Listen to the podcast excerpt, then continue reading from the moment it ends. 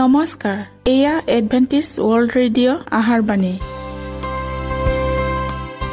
ঊনৈছ মিটাৰ বেণ্ডত পোন্ধৰ হাজাৰ পাঁচশ পঞ্চাছ কিলো হাজত। এডভেণ্টিছ ৱৰ্ল্ড ৰেডিঅ' যোগে অসমীয়া ভাষাত প্ৰচাৰিত আহাৰবাণী প্ৰত্যেক বুধবাৰ আৰু দেওবাৰ সন্ধিয়া সাত বজাত আহাৰবাণী শুনাৰ পিছত আপোনালোকৰ কিবা মন্তব্য আৰু প্ৰশ্ন থাকিলে আমালৈ এই ঠিকনাত লিখক। আমাৰ ঠিকনাটি হৈছে Adventist world radio' seven day Adventist মণ্ডলী অসম শাখা লতাকাটা বশিষ্ট গুৱাহাটী সাত আঠ এক শূন্য দুই ন।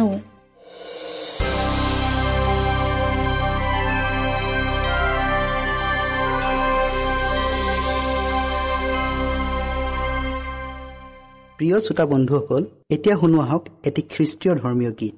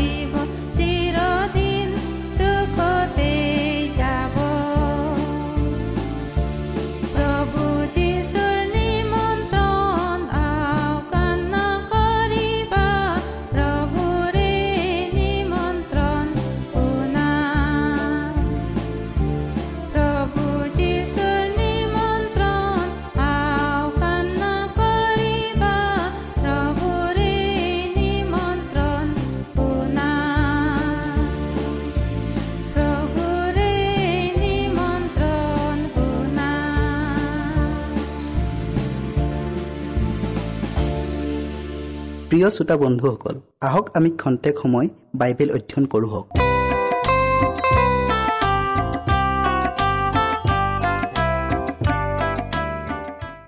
আজিৰ বিষয় হৈছে আনন্দৰ ৰহস্য। বাইবেলখন খ্ৰীষ্টিয়ানসকলৰ পথ প্ৰদৰ্শক হিচাপে লিখা হৈছে।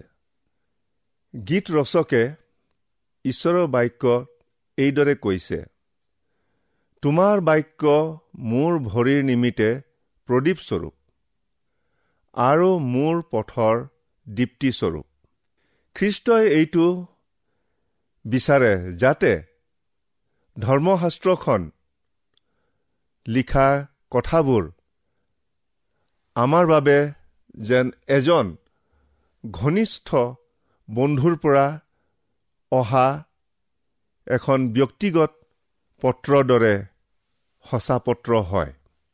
তেওঁ কৈছে কিন্তু মই তোমালোকক বন্ধু বুলিলো। কিয়নো মোৰ পিতৃৰ পৰা যি যি শুনিলো সেই সকলোকে তোমালোকক জনালো। তোমালোকে মুঠ যেন শান্তি পোৱা। এইকাৰণে এইবোৰ কথা তোমালোকক কলো।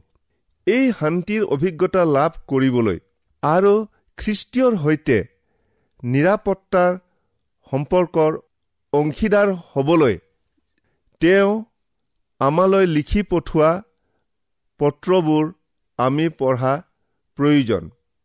সেয়ে হৈছে এই বাইবেলখন যি সৰ্গৰ সৈতে যোগাযোগ কৰি দিয়ে সেই পত্ৰসমূহ আপুনি বন্ধ নাৰাখিব।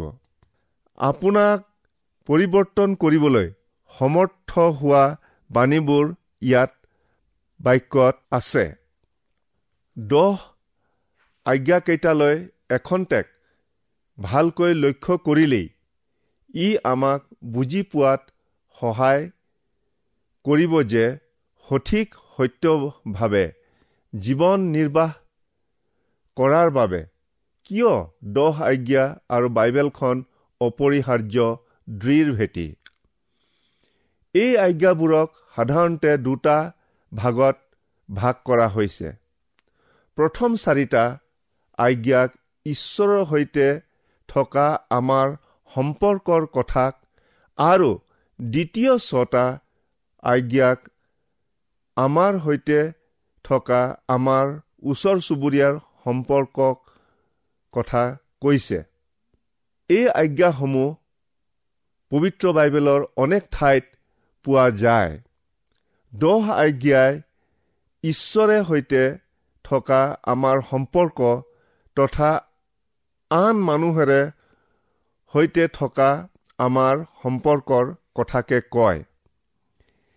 এইবোৰ হৈছে খ্ৰীষ্টিয়ান হৈছে জীৱন ধাৰণৰ পথ প্ৰদৰ্শোৱাৰ লাই খুটা দহাজ্ঞাৰ বিষয়ে যীশুৱে এইদৰে কৈছে এদিনাখন যেতিয়া যীশুৱে শিক্ষা দি আছিল এজন অতি আগ্ৰহী যুৱকে সুৰমূৰাই আহি তেওঁক সুধিছিল হে গুৰু মই অনন্ত জীৱন পাবলৈ কি সৎকৰ্ম কৰিব লাগে? তেওঁ যে টকা পইচাৰ নানা সমস্যাত জৰ্জৰিত হৈ আছিল তাক যীশুৱে দেখিবলৈ পাইছিল। আৰু সেইকাৰণে তেওঁক পৰামৰ্শ দিয়া হৈছিল যে সি যেন তাৰ সকলো পাৰ্থিৱ বিষয়সমূহ ত্যাগ কৰি ঈশ্বৰৰ আজ্ঞা পালন কৰে। কোন আজ্ঞাবোৰনো তেওঁ পালন কৰিব লাগে? তাক সোধাৰ দ্বাৰাই সেই যুৱকজনে যীশুৰ কথাৰ পৰা ফালৰি কাটি আহিবলৈ চেষ্টা কৰিছিল। যীশুৱে তেওঁক দহ আজ্ঞাৰ কেইটামান আজ্ঞাৰ তালিকা দিছিল। অৱশেষত সেই ধনী ডেকাজন দুখিত হৈ গুচি গৈছিল। সি মানসিকভাৱে দহ আজ্ঞাৰ সৈতে একমত নাছিল। কিন্তু তেওঁৰ নিজৰ স্বাৰ্থপৰতাৰে ভৰা জীৱনটোক পৰিত্যাগ কৰি দহ আজ্ঞা বিচৰা নিচিনাকৈ পালন কৰিব পৰা নাছিল। ঈশ্বৰৰ সৈতে আৰু আমি ইজনে সিজনে অৰ্থাৎ পৰস্পৰে এক মধুৰ আৰু নিবিড় সম্পৰ্ক গঢ়ি বৃদ্ধি পাবলৈ সকলো চাৰিসীমাক দহ আজ্ঞাই আমাক দেখুৱাই দিয়ে। বাধ্যতাক প্ৰকৃত আনন্দৰ পথ হিচাপে যীশুৱে দেখুৱাইছে।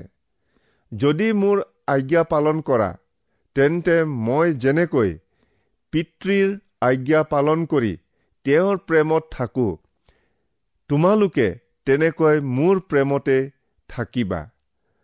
মোৰ আনন্দ তোমালোকত যেন থাকে আৰু তোমালোকৰ আনন্দ যেন সম্পূৰ্ণ হয় এই নিমিত্তে তোমালোকক এইবোৰ কলো। জীৱনৰ এক সুখী পথ। চলোমনৰ উপদেশক পুস্তকখন হৈছে সুখ বা আনন্দ বিচৰাৰ এক প্ৰতিবেদনস্বৰূপ এই বিশাল পৃথিৱীত আনন্দ শান্তি বিচাৰি হাবাথুৰি খোৱাৰ কথা আৰু তেওঁৰ অতৃপ্ত আকাংক্ষাৰ কথা লিপিবদ্ধ কৰিছে। বৰ বৰ আট্টালিকা দ্ৰাক্ষাগুটিৰে ভৰা দ্ৰাক্ষাবাৰী সুন্দৰ বাগিচা আৰু মিঠা সোৱাদযুক্ত ফল মূলৰ বাগিচাৰে তেওঁক প্ৰকৃত আনন্দ দিব পৰা নাছিল। এজন ব্যক্তিয়ে বাঞ্ছা কৰিব পৰা আটাই পাৰ্থিৱ বস্তুৰ চাৰিবেৰৰ মাজত তেওঁ আবদ্ধ আছিল। কিন্তু আনন্দ তেওঁৰ ওচৰৰ পৰা আঁতৰি গৈছিল। সেয়ে তেওঁ লিখিছিল তেতিয়া মোৰ হাতে যি যি কাৰ্য কৰিলে আৰু যি যি কাৰ্য কৰিবলৈ মই পৰিশ্ৰম কৰিলোঁ তাকে চাই দেখিলোঁ যে সেই সকলো অহাৰ আৰু বতাহক ধৰিবলৈ চেষ্টা কৰা মাত্ৰ। সূৰ্যৰ তলত একোৱেই লাভ নাই।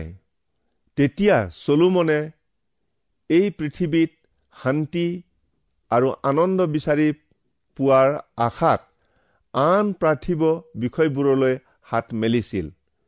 সুৰা সুন্দৰী আৰু সংগীতৰ আশ্ৰয় লৈছিল। তেওঁৰ মতামত আছিল অহাৰৰ অহাৰ সকলোৱেই অহাৰ। এটা সময়ত চলোমনে যি আনন্দ পাইছিল তাৰ পৰা তেওঁ জানিছিল যে ঈশ্বৰ মংগলময়। যেতিয়া তেওঁ ঈশ্বৰৰ সৈতে থকা তেওঁৰ বাধ্যতাৰ সেই পুৰণা জীৱনৰ লগত আনন্দ পাবলৈ কৰা পাপময় অসাৱধানতাৰ জীৱনটো তুলনা কৰিছিল। তেওঁৰ নিৰ্ণয় আছিল যে ঈশ্বৰলৈ ভয় ৰখা আৰু তেওঁৰ আজ্ঞাবোৰ পালন কৰা। কিয়নো এইয়ে মানুহৰ সকলো কৰ্তব্য কৰ্ম। চলোমনে উপলব্ধি কৰিছিল যে খন্তেকীয়া সুখ আনন্দৰ কাৰণে তেওঁ বনৰীয়া পশু সদৃশ জীৱন ধাৰণ কৰিছিল। তেওঁৰ জীৱনৰ শেষৰ ফালে তেওঁ তেওঁৰ ভুলবোৰ বুজি পাইছিল। সেইকাৰণে সেই একে ধৰণৰ ভুলৰ পৰা আন লোকক ৰক্ষা কৰিবলৈ তেওঁ লিখি থৈ গৈছিল।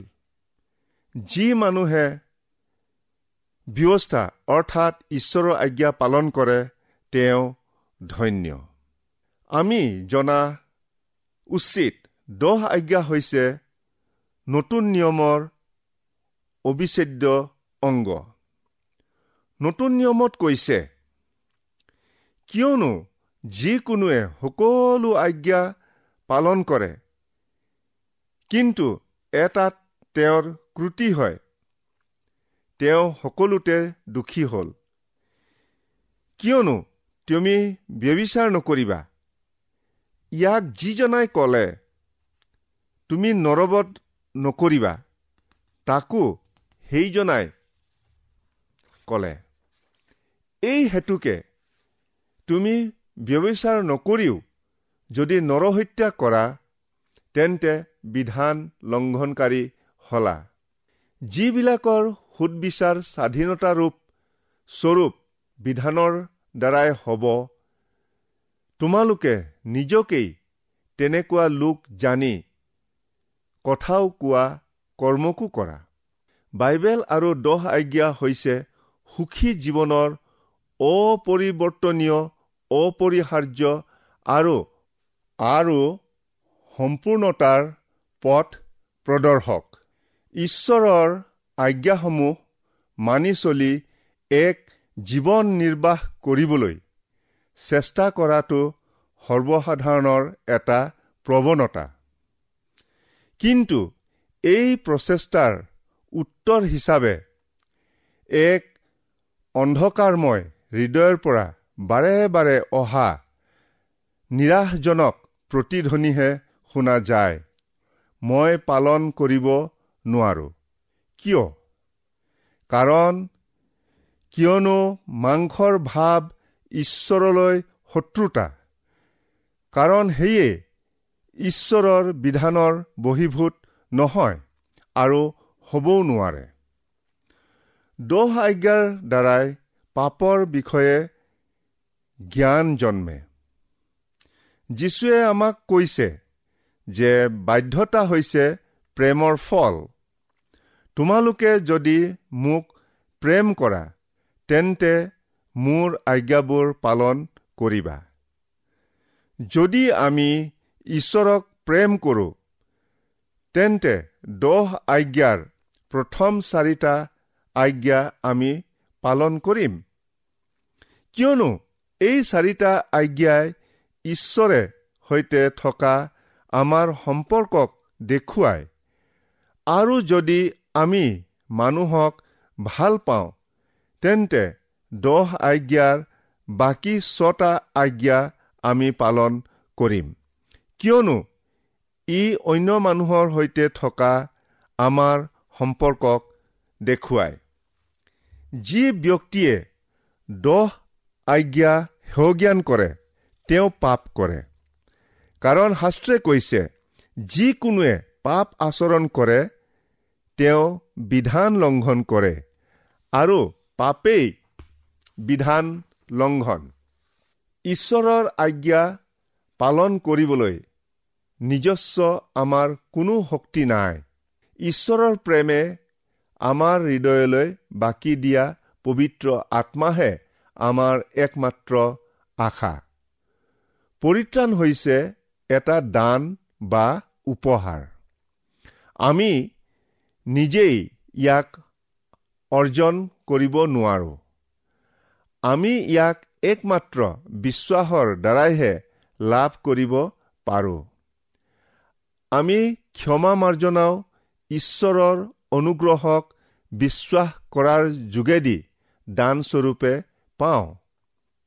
শাস্ত্ৰত কৈছে কিয়নো অনুগ্ৰহেৰে বিশ্বাসৰ দ্বাৰাই তোমালোকে পৰিত্ৰাণ পালা। সেয়ে তোমালোকৰ পৰা নহয় ঈশ্বৰৰহে দান। আমাৰ নিজ কৰ্মৰ দ্বাৰাই প্ৰচেষ্টাৰ দ্বাৰাই আমি বিধান পালন কৰিব নোৱাৰো। পৰিত্ৰাণ পাবলৈকো আমি বিধান পালন কৰিব নোৱাৰো। কিন্তু বিশ্বাসেৰে আৰু নিজকে সম্পূৰ্ণৰূপে সোধাই দিয়াৰ মানসিকতাৰে যেতিয়া যীশুখ্ৰীষ্টৰ ওচৰলৈ আহোঁ তেতিয়া আমি পৰিত্ৰাণ পাওঁ আৰু তেওঁৰ প্ৰেমেৰে আমাৰ হৃদয় উপচি পৰে। ধৰ্মশাস্ত্ৰত কৈছে মানুহৰ প্ৰচেষ্টাৰ নিষ্ফলতাক জোৰ দি কৈছে আৰু প্ৰকাশ কৰিছে যে পৰিত্ৰাণৰ পথৰ বাবে আমি বিধানৰ অধীন নহওঁ। কিন্তু অনুগ্ৰহৰহে অধীন। তেন্তে কি? আমি বিধানৰ অধীন নহয় অনুগ্ৰহৰ অধীন হোৱাৰ কাৰণে পাপ কৰিব পাওঁনে? এনে নহওক।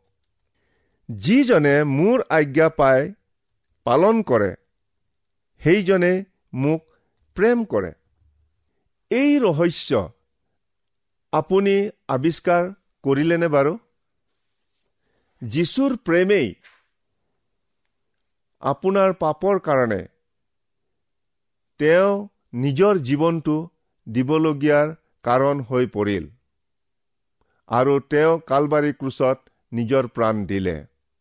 তেওঁৰ প্ৰেমেৰে তেওঁৰ সৈতে থকা সম্পৰ্কটোক অধিক শক্তিশালী কৰিবলৈ তেওঁ বিচাৰে। আৰু তেওঁৰ ইচ্ছাৰে সকলো উত্তম বস্তুৰে আপোনাক সমৃদ্ধিশালী কৰিব বিচাৰে। আপুনি সঁহাৰি জনাবনে?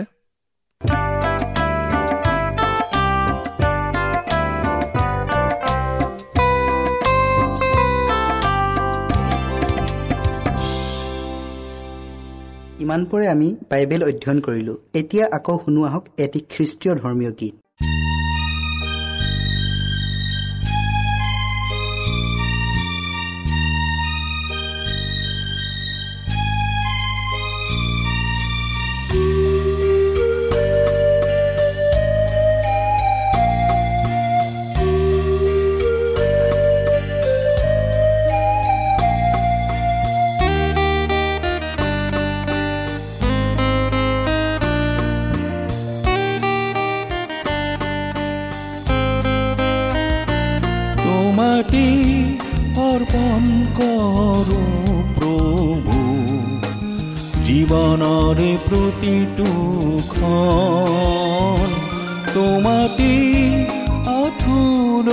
আঠুলৈছো প্ৰভু বিচাৰি শান্তিৰিণী তোমাতে অৰ্পণ কৰো প্ৰভু জীৱনৰে প্ৰতিটো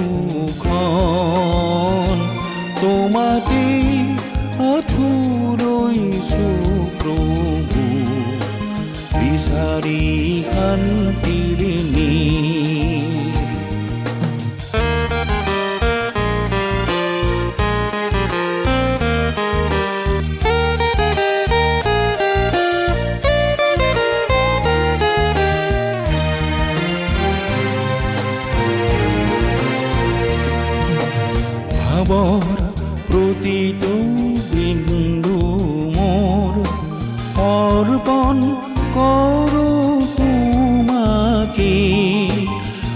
ভাৱৰ প্ৰতিটো বিন্দু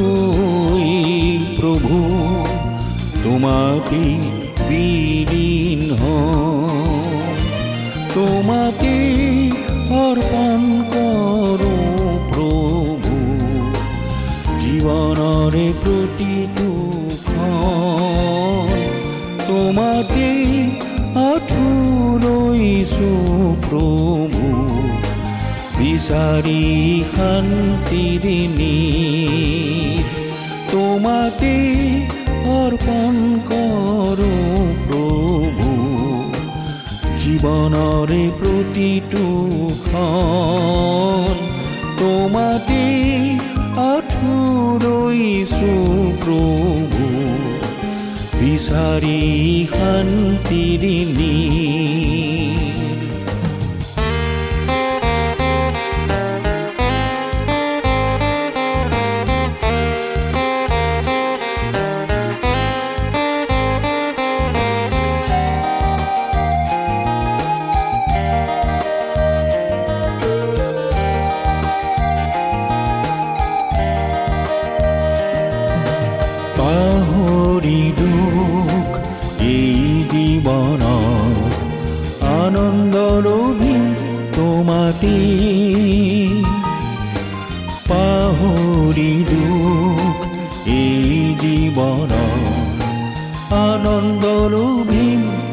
তোমাতে অনন্ত সুখ আছে সিপাৰত অনন্ত সুখ আছে সিপাৰত যিচুৰ কাষৰে আহা। যিচুৰ কাষৰে আহা।